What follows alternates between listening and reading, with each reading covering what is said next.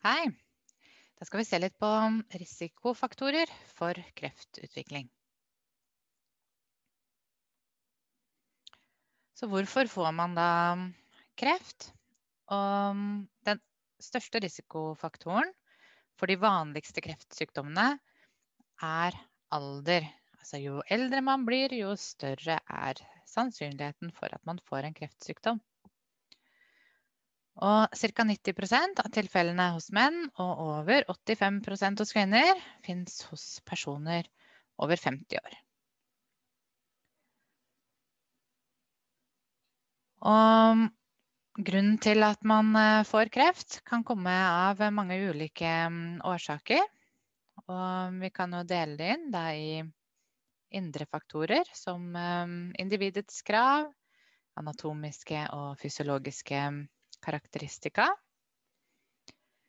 Eller eh, mer viktig atferdsfaktorer som bruk av tobakk, hva vi spiser, fysisk aktivitet, bruk av eh, alkohol og infeksjoner vi pådrar oss.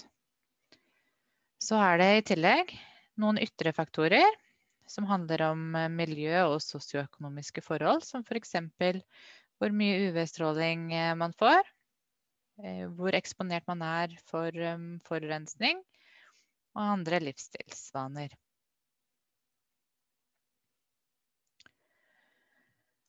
Og sigarett og tobakksrøyk vet vi at gir økt risiko for mange typer eh, kreft. Og da spesielt lunge- og urinblære og øre-nese-hals-kreft. En annen eh, risikofaktor som er forbundet med en rekke kreftsykdommer, er eh, overvekt. Og den ehm, kan gi økt risiko for brystkreft, livmorkreft, tykktarmskreft og prostatakreft. Og faktorer som kan være eh, kreftfremkallende, det er i utgangspunktet mm, veldig mange, men ehm, vi har prøvd å dele de eh, inn i mm, noen kjemiske, fysiske og biologiske mm, faktorer her. Hvor da kjemiske faktorer kan være sigarettrøyk, eksponering for asbest eller radon eller trestøv. Og tidligere kreftsykdom behandla med kjemoterapi vet vi også kan være kreftfremkallende i seg selv. Så har vi da fysiske faktorer som UV-stråling og ioniserende stråling. Mens de biologiske faktorene er eh, arven, de arvelige genetiske forhold. Og det kan også da være um, ulike virusinfeksjoner som hiv, Epstein-Barr-virus, humant papillomavirus eller um, hepatitt B og eller C.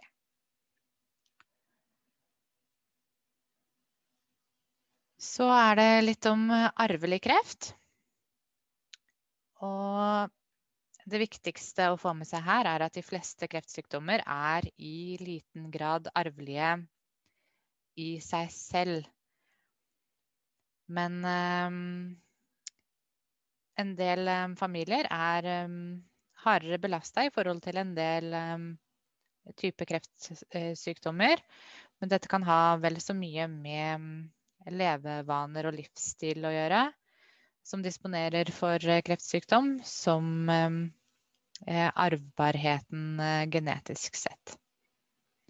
Men ved opphopning av en enkelt kreftsykdom så kan man mistenke arvelighet. Og da er det kanskje særlig brystkreft som um, har vært i fokus her. Fordi den har to kjente arvelige mutasjoner som gir um, sterkt um, økt risiko for brystkreft. Og dette er BRCA1 og BRCA2. Men det er kun en liten andel av de som får brystkreft, som har arvelig brystkreft. Og det er rett og slett fordi det er så veldig mange som får brystkreft som ikke er av den uh, arvelige typen. Så er det noen andre kreftsykdommer som har vist i noen grad å kunne være um, arvelige. Og dette kan være eggstokkreft, tarmkreft, livmorkreft, malignt melanom og prostatakreft.